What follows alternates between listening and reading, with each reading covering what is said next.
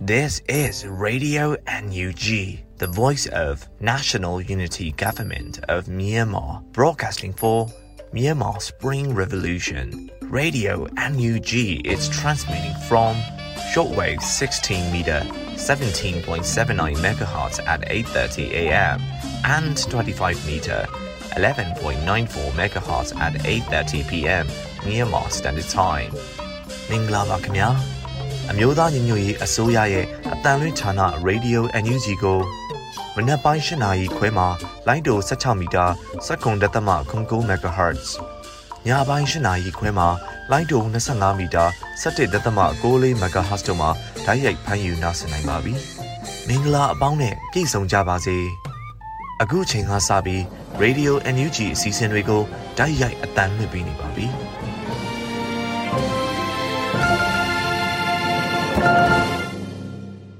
တောတာရှင်များအားလုံးမင်္ဂလာနံနက်ခင်းပါခင်ဗျာ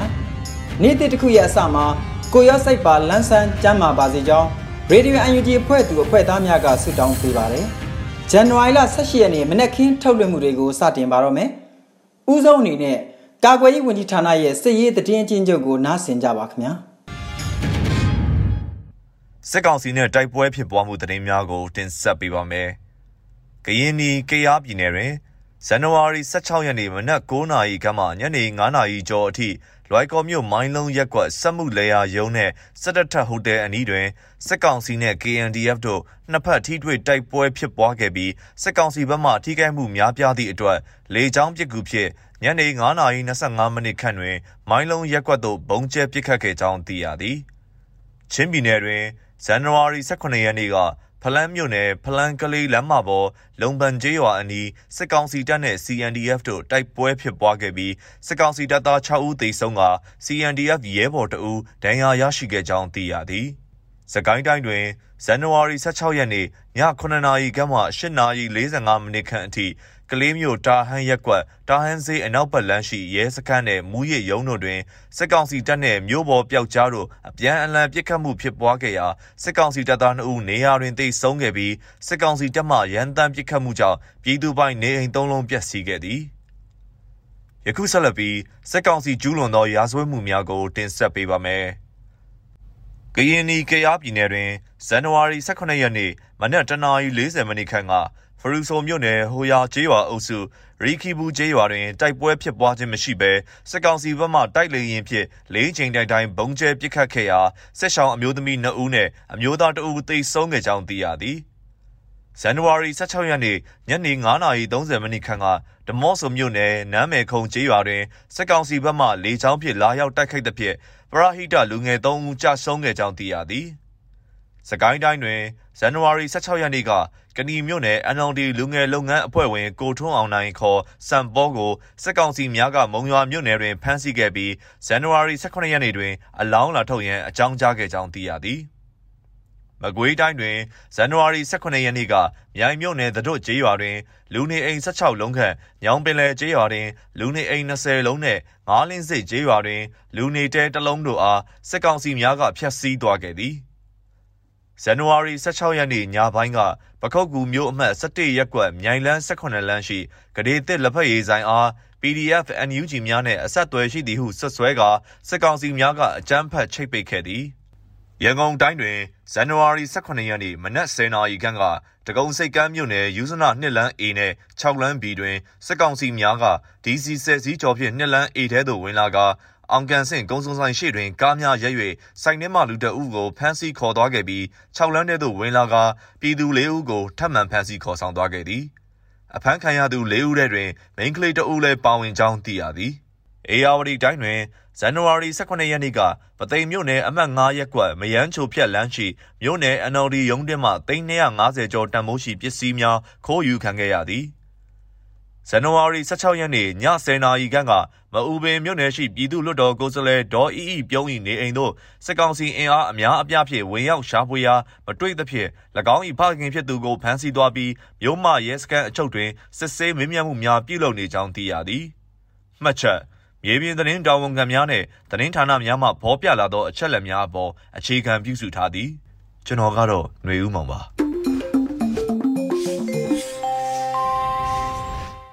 ဆက်လက်ပြီးရေဒီယို UNG ရဲ့နောက်ဆုံးရသတင်းများကိုရန်နိုင်ကဖတ်ကြားတင်ပြပေးပါတော့မယ်ခင်ဗျာ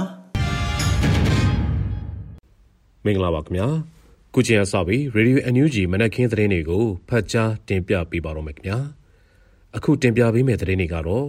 ရေဒီယို UNG သတင်းတာဝန်ခံတွေနဲ့ခိုင်လုံတဲ့မိဘသတင်းရင်းမြစ်တွေကအခြေခံထားတာပဲဖြစ်ပါတယ်ကျွန်တော်ကတော့ရန်နိုင်ပါအမျိုးသားညီညွတ်ရေးအစိုးရနိုင်ငံခြားရေးဝန်ကြီးနဲ့ဒုတိယဝန်ကြီးနှစ်ဦးဂျာမနီရှိမြန်မာ community များမြန်မာအရေးစိတ်ဝင်စားသူများနဲ့တွေ့ဆုံခဲ့ကြပါတယ်။နိုင်ငံခြားရေးဝန်ကြီးဌာနပြည်ထောင်စုဝန်ကြီးဒေါ်စင်မောင်အောင်နဲ့ဒုတိယဝန်ကြီးဦးမိုးစောဦးတို့ဟာဂျာမနီရှိမြန်မာ community များမြန်မာအရေးစိတ်ဝင်စားသူများနဲ့ဇန်နဝါရီလ16ရက်နေ့က တွေ့ဆုံဆွေးနွေးခဲ့ကြတယ်လို့သိရပါတယ်။အဲဒီဆွေးနွေးပွဲကိုဂျာမနီနိုင်ငံရှိမြန်မာ community အသီးသီးမှတာဝန်ရှိသူများဂျာမနီရောက်မြန်မာပြည်သားများဂျာမနီနိုင်ငံရှိမြန်မာအရေးစိတ်ပါဝင်စားသူများနဲ့ပညာရှင်များတက်ရောက်ခဲ့ကြပါတယ်။နိုင်ငံခြားရေးဝန်ကြီးဒုတိယဝန်ကြီးမှနှုတ်ဆက်အမှားစကားပြောကြားပြီးဂျာမနီနိုင်ငံရှိမြန်မာ community များမှသိရှိလိုတာများကိုမေးမြန်းကာရင်းရင်းနှီးနှီးတွေ့ဆုံဆွေးနွေးခဲ့ကြပါတယ်ခင်ဗျာ။ နေဆက်ပြတ်ကျော်လာသူများကို အရေးပေါ်အကာအကွယ်ပေးမယ်လို့ထိုင်းဝန်ကြီးချုပ်ကတိပြုခဲ့တဲ့သတင်းကိုတင်ဆက်ပေးပါမယ်။မြန်မာပြည်အာဏာသိမ်းခံရပြီးတဲ့နောက်စစ်ဘေးဒဏ်ကြောင့်နယ်စပ်ဖြတ်ကျော်မြန်မာဒုက္ခသည်များကို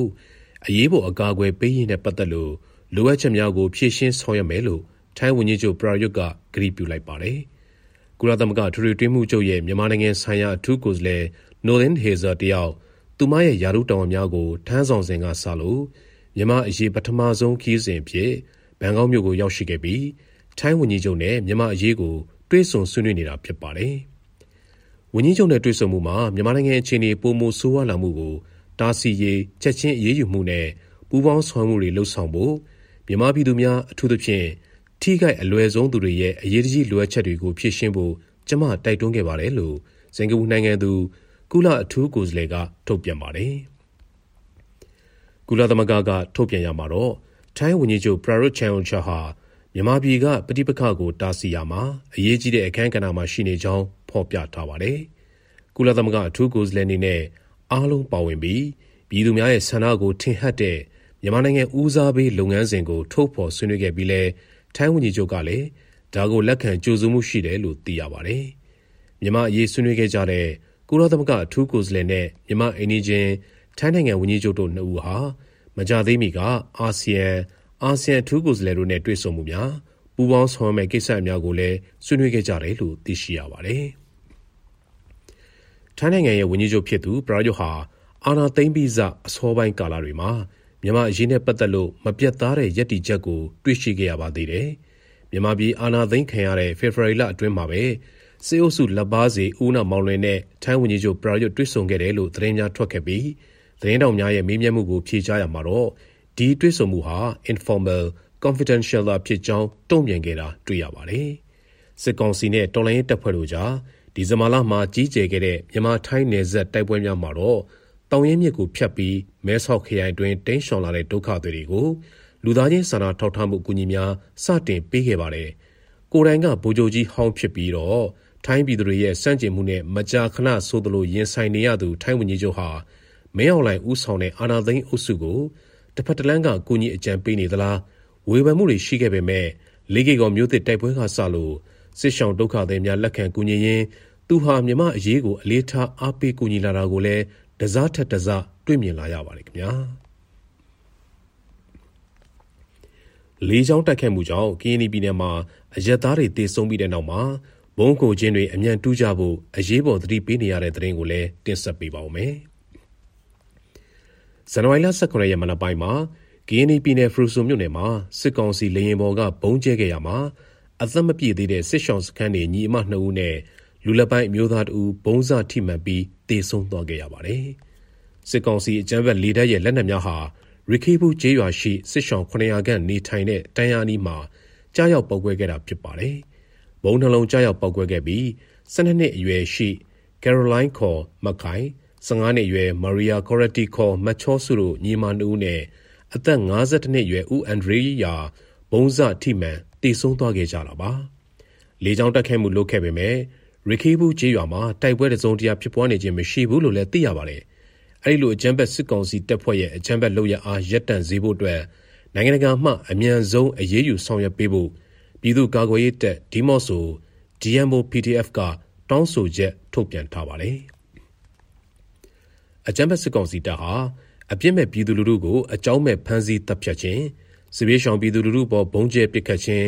ရက်ွက်ကြီးရွာနေပြည်သူလူထုအပေါ်ရည်ရွယ်ချက်ရှိရှိလက်နက်ကြီးများပစ်ခတ်ခြင်းများကိုတနေ့တခြားပြုလုပ်လာနေတာကိုတွေ့ရကြောင်းဒီမော့ဆို PDF ကထုတ်ပြန်ပါတယ်။အဲဒီလိုကျမ်းဘက်စစ်ကောင်စီတပ်ဖွဲ့ရဲ့လုပ်ရက်အပေါ်အပြင်းထန်ကန့်ကွက်ရှုံချကြောင်းစစ်ကောင်စီတပ်ရဲ့ဘုံကျဲပစ်ခတ်မှုကြောင့်တေဆုံးသွားခဲ့တဲ့အပြစ်မဲ့ပြည်သူသုံးတို့ရဲ့ကြံရည်သူမိသားစုနဲ့ ထပ်တူဝမ်းနဲ့ကြေကွဲရကြောင်းဖော်ပြထားပါတယ်။အခုလိုလေကြောင်းတိုက်ခိုက်မှုကြောင့်အယက်သားများတေဆုံးခဲ့ရတဲ့ဖြစ်စဉ်ပေါ်ပေါက်ခဲ့ပြီးတဲ့နောက်မှာတော့ဘုံကိုချင်းများကိုအမြန်ဆုံးတူထားရန်ကရင်ပြည်နယ်အတိုင်းအမြံကောင်စီ KSCC ကဇန်နဝါရီလ18ရက်မှာအရေးပေါ်ထုတ်ပြန်ခဲ့တာလည်းတွေ့ရှိရပါတယ်။အကြမ်းဖက်စစ်ကောင်စီဟာလူမျိုးတုံးတပ်ဖြတ်မှုများဆက်လက်ကျူးလွန်ဖို့တေချာနေတဲ့အတွက်အခုလိုအရေးပေါ်သတိပေးရခြင်းဖြစ်တယ်လို့ဆိုပါတယ်။ တိုက်လေရင်များပြန်တန်းတဲ့အရေးပေါ်သတိပေးချက်များကိုအလေးထားကြရန်နဲ့လေကြောင်းတက်ခတ်မှုကကာကွယ်နိုင်ရန်တိုက်လေရင်များကိုတွေ့ရှိပါကချက်ချင်းဘုံကိုချင်းများအတွင်ကိုပုံရှောင်ပေးကြပါရန် KSCC ကတိုက်တွန်းထားပါတယ်။အာနာသိန်းစစ်ကောင်စီဟာခုခံတွန်းလှန်စစ်များပြင်းထန်နေတဲ့ကရင်ပြည်နယ်မှာပြည်သူလူထုရဲ့အသက်အိုးအိမ်စည်းစိမ်ကိုလုံးဝငဲ့ကွက်ခြင်းမရှိတဲ့စစ်ကောင်စီတပ်များဟာလေကြောင်းအဓိကထိုးစစ်များအရှိန်မြင့်လာနေခြင်းလည်းဖြစ်ပါတယ်။ ကရင်ပြည်နယ်ရှိတိုင်းသားများစစ်ဘေးတင်းရှောင်နိုင်ဖို့အသက်ဘေးလုံခြုံဖို့အရေးကြီးတဲ့အခြေအနေနဲ့အချိန်လည်းဖြစ်ပါတယ်ခင်ဗျာ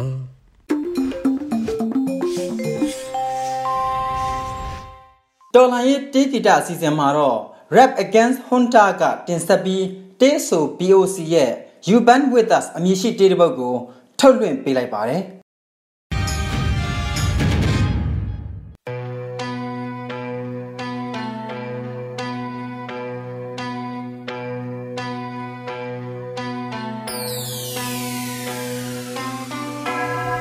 fight for democracy. Reject the military. We want justice. If we want.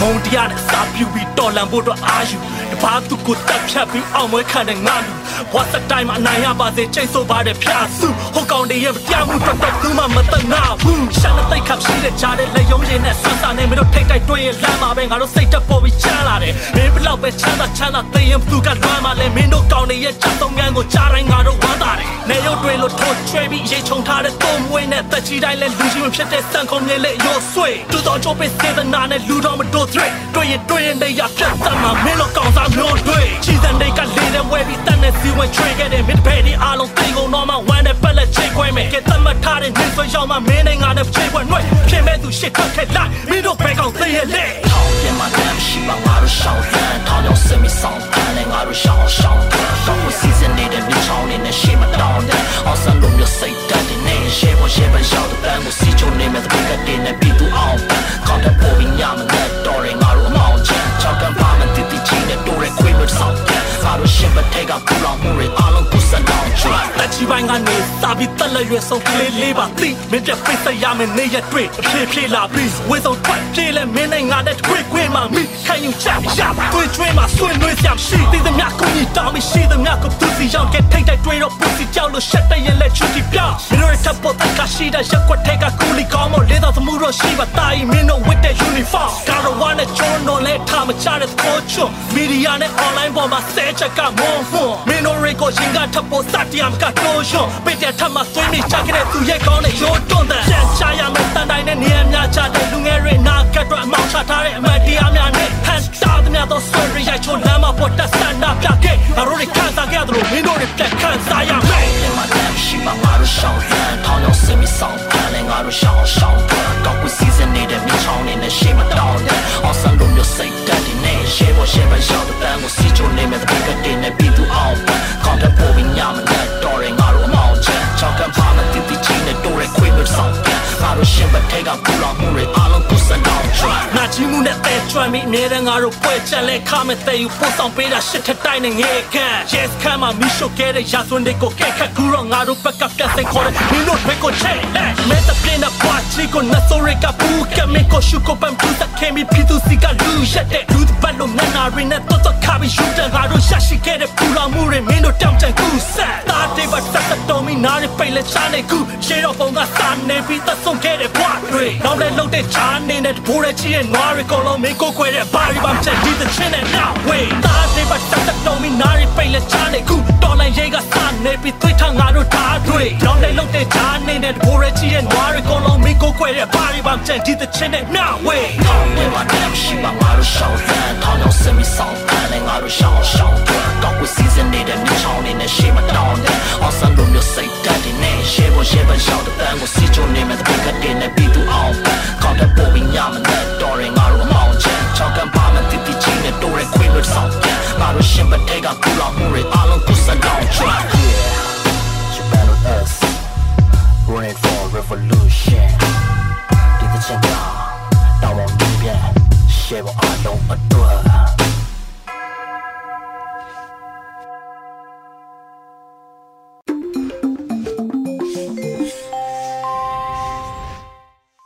တောတာရှင်များခင်ဗျာကျွန်တော်တို့ပြည်သူအားလုံးရဲ့တရားသောစစ်အရေးတော်ပုံအောင်ရပါမယ်အခုချိန်ကစပြီး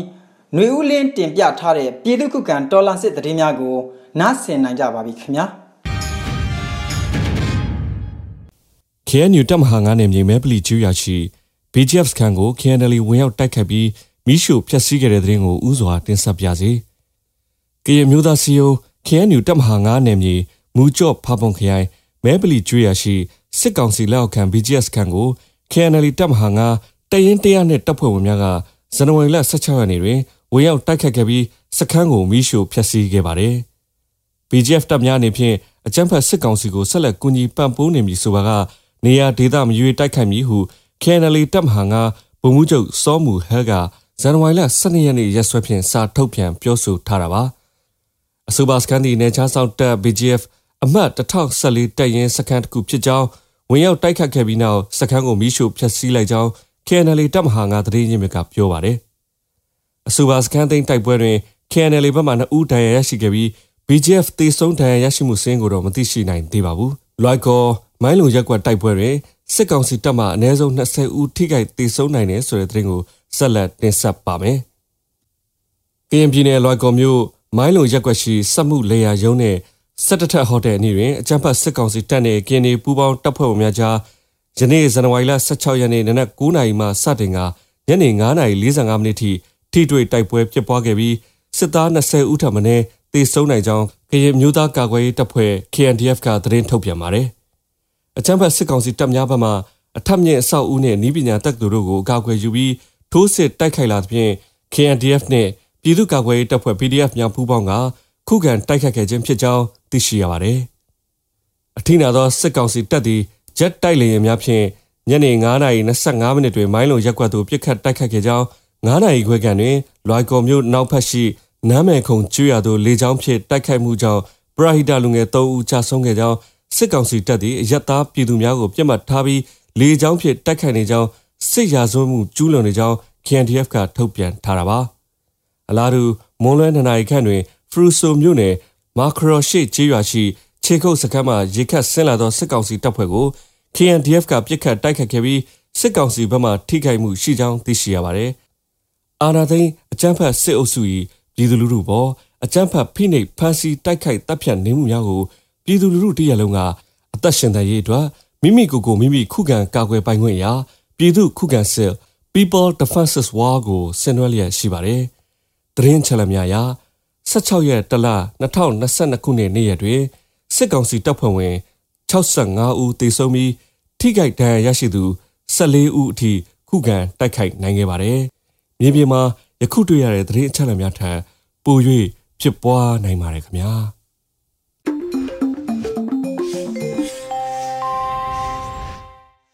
။ရေဒီယိုအန်ယူဂျီကဆက်လက်အတန်လွှင့်နေပါတယ်။ထက်ထက်အိန္ဒြာအောင်ဖတ်ကြားပေးမယ့် PVTV နေ့စဉ်သတင်းများကို တင်ဆက်ပေးလိုက်ပါတယ်။ကျွန်တော်ကတော့အစီအစဉ်တင်ဆက်သူလွတ်လပ်နေဦးပါ။အခုပထမဆုံးတင်ဆက်ပေးမယ့်သတင်းကတော့ပြည်တွင်းပြည်ပထောက်ပံ့ကူညီသူတွေအမျိုးသားညီညွတ်ရေးအစိုးရနဲ့ပြည်သူ့ကာကွယ်ရေးတပ်ဖွဲ့ဝင်တွေပူးပေါင်းပြီးတော့သုံးဝင်ဆိုင်တွေ့ဆုံပွဲပြုလုပ်ခဲ့တဲ့ဆိုတဲ့သတင်းပါ ပြည်ရင်းပြည်ပအလှငွေထောက်ပံ့ကူညီသူတွေပြည်သူ့ကာကွယ်ရေးတပ်ဖွဲ့တွေအမျိုးသားညီညွတ်ရေးအစိုးရအဖွဲ့ကပြည်ထောင်စုဝန်ကြီးတွေပါဝင်တဲ့မဟာဗျူဟာမြောက်သုံးဝင့်ဆိုင်အွန်လိုင်းလူငွေကောက်ခံပွဲအမှတ်စဉ်3ကိုဇန်နဝါရီလ16ရက်နေ့ကအွန်လိုင်းကနေပြုလုပ်ခဲ့တယ်လို့စက်တော်ရေးသတင်းအချက်အလက်နဲ့ဤပညာဝန်ကြီးဌာနကသတင်းထုတ်ပြန်လိုက်ပါတယ်။ မဟာဗျူဟာမြောက်သုံးဝက်ဆိုင်အွန်လိုင်းအလှူငွေကောက်ခံပွဲအမှတ်စဉ်3ကိုအမျိုးသားညီညွတ်ရေးအစိုးရအဖွဲ့ရဲ့ဝင်ကြီးဌာနတွေဖြစ်တဲ့စက်သွေးရေးတည်င်းအချက်လက်နဲ့ဤပညာဝင်ကြီးဌာနကပြည်ထောင်စုဝင်ကြီးဦးထင်လင်းအောင်ကျမ်းမာရေးနဲ့ပညာရေးပြည်ထောင်စုဝင်ကြီးဒေါက်တာဇဝီဆိုတို့တက်ရောက်ခဲ့ကြပါတယ်။ အကြမ်းဖက်စစ်ကောင်စီရဲ့ထိုးစစ်ဆင်ခုခံနေတဲ့ချင်းတောင်ဒေသကလက်နက်ကိုင်တော်လှန်ရေးအဖွဲ့ပေါင်း18ဖွဲ့စုဖွဲ့ထားတဲ့ Challenge Joint Defense Committee အတွက် American Dollar 4000နီးပါးကောက်ခံရရှိခဲ့တယ်လို့ဆိုပါတယ်။ Safe မြန်မာ USC ရဲ့သုံးဝင်ဆိုင်မဟာဗျူဟာမြောက်အွန်လိုင်းအလှူငွေကောက်ခံပွဲကိုပြီးခဲ့တဲ့နှစ်နိုဝင်ဘာလနောက်ဆုံးပတ်ကနေစတင်ခဲ့တာဖြစ်ပြီးတော့အခုလုပ်တဲ့ပွဲကတတိယအကြိမ်မြောက်လုပ်တဲ့ပွဲလေးဖြစ်ပါတယ်။ ပြုလုပ်ခဲ့တဲ့သုံးပွဲစလုံးကနေစုစုပေါင်း American Dollar 3,200နီးပါးထိကောက်ခံရရှိထားကြောင်းသိရပြီးတော့နောက်ထပ်လည်းပြည်သူ့ကာကွယ်ရေးတပ်ဖွဲ့တွေစီကိုဆက်လက်ပံ့ပိုးသွားဖို့ရှိတယ်လို့လည်းသတင်းထုတ်ပြန်ချက်မှာတွေ့ရပါတယ်။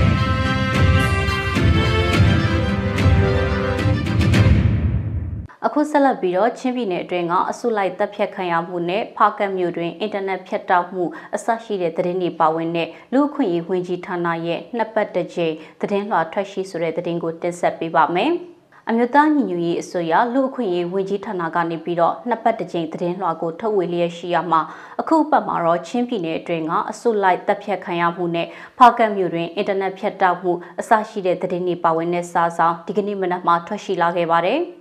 ရန်ကုန်တိုင်းတွင်အကြမ်းဖက်စစ်ကောင်စီကတာမွေအယူကုံကကိုလမင်းသိန်းအသက်45နှစ်ကိုစစ်ကြောရေးမှာတပ်ဖြတ်ခဲ့ပြီးတော့တိုက်ကြီးမြို့နယ်မှာအဲစင်းဝင်စစ်ချိန်စစ်ရောဂါတဲ့ဦးထိန်လင်းကိုတကားဖွင့်မပေးလို့ဆိုပြီးအကြမ်းဖက်စစ်ကောင်စီကတနက်နဲ့ပြစ်တက်ပြီးအလောင်းကိုယူသွားခဲ့တယ်လို့ NUG လူအခွင့်အရေးဝန်ကြီးဌာနရဲ့သတင်းလွှာမှာဖော်ပြထားပါတယ်။ ရွှေပြည်သားနဲ့မြောက်ကလာကပြည်သူ၄ယောက်ကိုဇန်နဝါရီ6ရက်နေ့မှာစစ်ခုံရုံကတေတံချမှတ်တဲ့အပြင်နောက်ထပ်9ယောက်ကိုတတ်တတ်တကြွနဲ့နောက်ထပ်9ယောက်ကိုအလုံးနဲ့ထောင်ဒဏ်အနှစ်20စီချမှတ်လိုက်တဲ့ဆိုတဲ့သတင်းလေးဖော်ပြထားပါတယ်။ စက်ရောဂါတဲ့ဥထိန်လင်းကိုတကားမဖွင့်ပေးလို့ဆိုပြီးအကြမ်းဖက်စစ်ကောင်စီကတနက်နဲ့ပြစ်သက်အလောင်းကိုယူသွားခဲ့တဲ့ဆိုတဲ့သတင်းတွေအပါအဝင်ရွှေပြည်သားနဲ့မြောက်ကလာကပြည်သူ၄ယောက်ကိုဇန်နဝါရီ6ရက်နေ့မှာစစ်ခုံရုံးကတည်တံချမှတ်တဲ့အပြင်နောက်ထပ်9ယောက်ကိုတတ်တတကြောနဲ့နောက်ထပ်9ယောက်ကိုအလုံးနဲ့ထောင်ဒဏ်အနှစ်20စီချမှတ်လိုက်တဲ့ဆိုတဲ့သတင်းတွေလည်းပါဝင်တာတွေ့ရပါတယ်။စကိုင်းတိုင်းအတွင်းမှာလည်းအသက်မပြည့်သေးတဲ့ကလေးငယ်အပါအဝင်ပြည်သူတချို့ကိုစစ်ကောင်စီကဖမ်းဆီးပြီးတော့ အသက်60အရွယ်ပြည်သူတရာကိုမိရှို့တပ်ဖြတ်ခဲ့တဲ့သတင်းအပြင်အာနာသိမ့်ပြီးကလေးကနေဇန်နဝါရီ17ရက်နေ့ထိစကိုင်းတိုင်းအတွင်းမှာပြည်သူတွေတပ်ဖြတ်ခံရမှု109ယောက်ထိရှိလာကြောင်းကလေးမျိုးပင်မတပေးရဲ့ထုတ်ပြန်ချက်ကနေတဆင့်ပြန်လည်ဖော်ပြထားတာကိုတွေ့ရပါတယ်။ချင်းပြည်နယ်မတူပီမှာအကြမ်းဖက်စစ်ကောင်စီကပြည်သူစစ်တပ်ကိုလူသားတိုင်းဖြစ်ဖမ်းဆီးခေါ်ဆောင်သွားပြီးတော့ဆက်ရောက်ကိုတပ်ဖြတ်ခဲ့တဲ့ဆိုတဲ့သတင်းတွေနဲ့ဖားကတ်မှာပြီးခဲ့တဲ့ဩဂတ်လ22ရက်နေ့တည်းက ဖုန်းအင်တာနက်လိုင်းတွေဖြတ်တောက်ခံရပြီးမြို့နယ်ဝေးတဲ့ကြီးရွာတွေမှာအချိန်ပိုင်းအင်တာနက်ပြန်ဖွင့်ပေးတာမျိုးရှိနေတဲ့ဆိုတဲ့သတင်းတွေလည်းထည့်သွင်းဖော်ပြထားတာကိုတွေ့ရပါတယ်။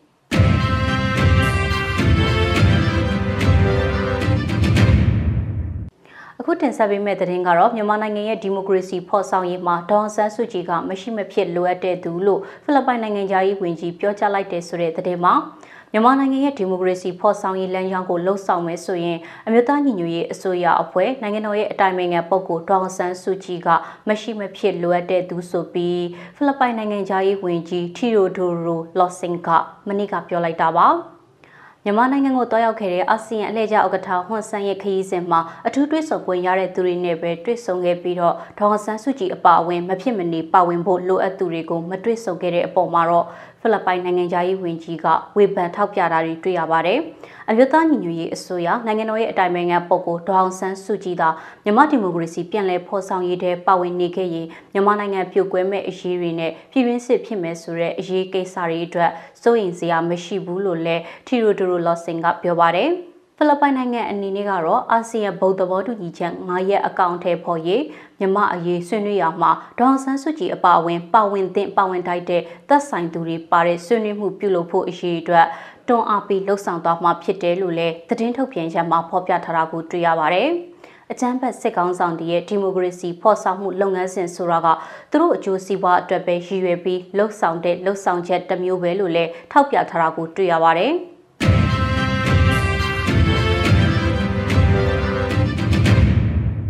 ဆက်လက်ပြီးတော့ကလစ်တူးတိုနေကမျှော်မှန်းထားတဲ့အလှငွေချက်သိန်း8000ထပ်ပုံမရရှိခဲ့တဲ့ဆိုတဲ့သတင်းကိုတင်ဆက်ပေးပါမယ်။ကလစ်တူးတိုနေကတော်လှန်ရေးအစုအဖွဲ့အတွက်ရည်ရွယ်ပြီးလုပ်တဲ့ချက်သိန်း8000ပြည့်အားလှူဒန်းပေးကြဖို့လှုံ့ဆော်တဲ့ကမ်ပိန်းကနေမျှော်မှန်းထားတဲ့ချက်သိန်း8000ထပ်ကိုပုံမရရှိခဲ့တယ်လို့သတင်းထုတ်ပြန်လိုက်ပါတယ်။ကလစ်တူးတိုနေရဲ့ထုတ်ပြန်ချက်မှာတော့ပြီးခဲ့တဲ့ဇန်နဝါရီ3ရက်ကနေ14ရက်နေ့အထိပြည်ပရောက်မြန်မာပြည်စီကနေအလှခံခဲ့တာမှာစုစုပေါင်းရထားတဲ့နောက်ဆုံးစည်ရင်ပါ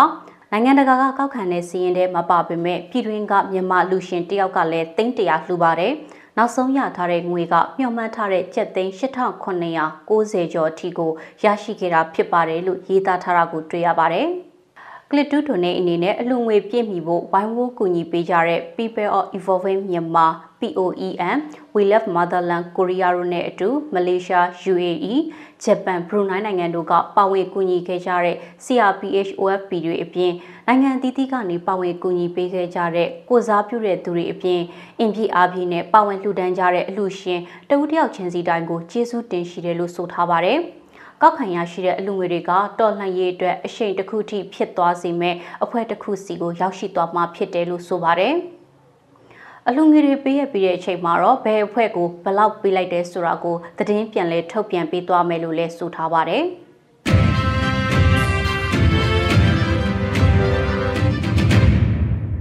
ဆလပ်ပြီးတော့အကြမ်းဖက်စစ်ကောင်စီကြောတော့နောက်ခံထုတ်ကုန်တွေကိုရောင်းဝယ်တာတွေ့ရင်ပြင်းထန်ထိရောက်စွာအရေးယူမယ်လို့တမှုတရင်တုံကထုတ်ပြန်လိုက်တဲ့သတင်းကိုတင်ဆက်ပေးပါမယ်။ အကြံဖက်စစ်ကောင်စီကြောတော့နောက်ခံစီးပွားရေးထုတ်ကုန်တွေဖြစ်တဲ့မြန်မာဘီယာတကုံဘီယာအဒမန်ကိုဘီယာ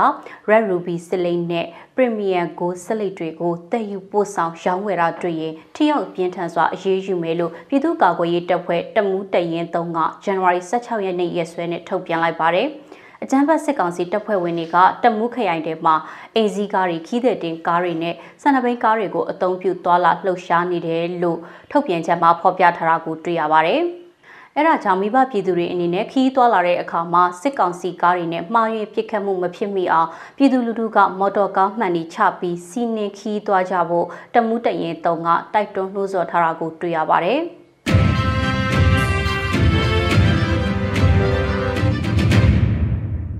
အခုနောက်ဆုံးအနေနဲ့မြန်မာနိုင်ငံတဝန်ကလူမျိုးပေါင်းစုံဘာသာပေါင်းစုံပါဝင်တဲ့ဆရာနာရှင်အမြင့်ပြည့်ချေပုံရေးလူထုဆန္ဒပြပွဲသတင်းတွေကိုစုစည်းတင်ဆက်ပေးမှာဖြစ်ပါတယ်။အကြမ်းဖက်ဖက်စစ်ဆရာနာရှင်ချေမုံရေးရင်းမပင်အရှိချမ်းနဲ့စလင်းကြီးမြောက်ချမ်းကြေးရွာပေါင်းစုံကလူထုအင်အားပုံမကောင်းမွန်စွာနဲ့313ရက်မြောက်တပိတ်စစ်ကြောင်းကိုဒီကနေ့မနက်မှာလှည့်လည်ဆန္ဒပြခဲ့ပါတယ်။တော်လှန်ရေးကာလကြာမြင့်လာသလိုလူထုရဲ့တော်လှန်မှုကြောင့်အထအရအောင်မြင်မှုတွေရရှိနေပြီဆိုပြီး ရွာပေါင်းစုံတပိတ်ကဟစ်ကြွေးခဲ့ပါတယ်။ဆရာနာရှင်စန့်ကြီးရဲ့ရပ်ပေါင်း344ရက်မြောက်နေ့ကလေးမျိုးပင်မတပိတ်စစ်ကြောင်းကိုဒီကနေ့ဇန်နဝါရီ18ရက်နေ့မှာပြုလုပ်ခဲ့ပါတယ်။ဆန္ဒပြလူငယ်တွေကဒူးမထောက်အရှုံးမပေးငါတို့ကလေးဆိုတဲ့စာသားတွေကိုကင်ဆွဲပြီးတော့ဆန္ဒပြခဲ့ကြသလိုရဲရဲဝံ့ဝံ့တိုက်ပွဲဝင်ကြပါတောင်ပေါ်မြေပြန့်တွေမခွဲနဲ့ခရတုတ်ပြိုင်ပွဲမဟုတ်တဲ့အတွက် ဘဲခရတန်ကိုမှနားဆွင့်နေစရာမလိုဘူးဆိုတော့ဘုံနဂါပြောထားတဲ့စာသားတွေကိုရေးသားထားတဲ့စာရွက်တွေကင်ဆောင်ပြီးတော့ဆန္ဒပြခဲ့ကြတာကိုတွေ့ရပါတယ်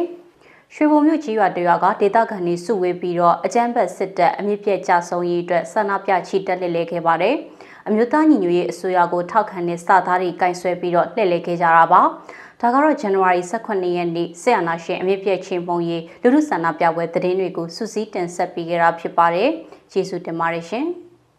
ဒီကနေ့ကတော့ဒီညနေပဲ Radio NUG ရဲ့အစည်းအဝေးကိုခਿੱတရရလိုက်ပါမယ်။မြန်မာစံတော်ချိန်မနက်၈နာရီခွဲနဲ့ည၈နာရီခွဲအချိန်တွေမှာပြန်လည်ဆုံးဖြတ်ကြပါစို့။ Radio NUG ကိုမနက်ပိုင်း၈နာရီခွဲမှာလိုင်းဒို16မီတာစက္ကန့်တသမ9 MHz ညပိုင်း၈နာရီခွဲမှာလိုင်းဒို25မီတာ17တသမ6 MHz တို့မှာဓာတ်ရိုက်ဖမ်းယူနားဆင်နိုင်ပါပြီ။မြန်မာနိုင်ငံသူနိုင်ငံသားများကိုစိတ်နှပြချမ်းမာချမ်းသာလို့ ဘေးကင်းလုံခြုံကြပါစေလို့ Radio NUG အဖွဲ့သူအဖွဲ့သားများကဆုတောင်းလိုက်ရပါတယ်။အမျိုးသားညီညွတ်ရေးအစိုးရရဲ့စက်သွေးရေးတရင်အချက်အလက်နဲ့ဤပညာဝန်ကြီးဌာနကထုတ်လွှင့်နေတဲ့ Radio NUG ဖြစ်ပါတယ်။ San Francisco Bay Area အခြေစိုက်မြန်မာမိသားစုများနဲ့နိုင်ငံတကာကစေတနာရှင်များလှုပ်အားပေးများရဲ့ Radio NUG ဖြစ်ပါတယ်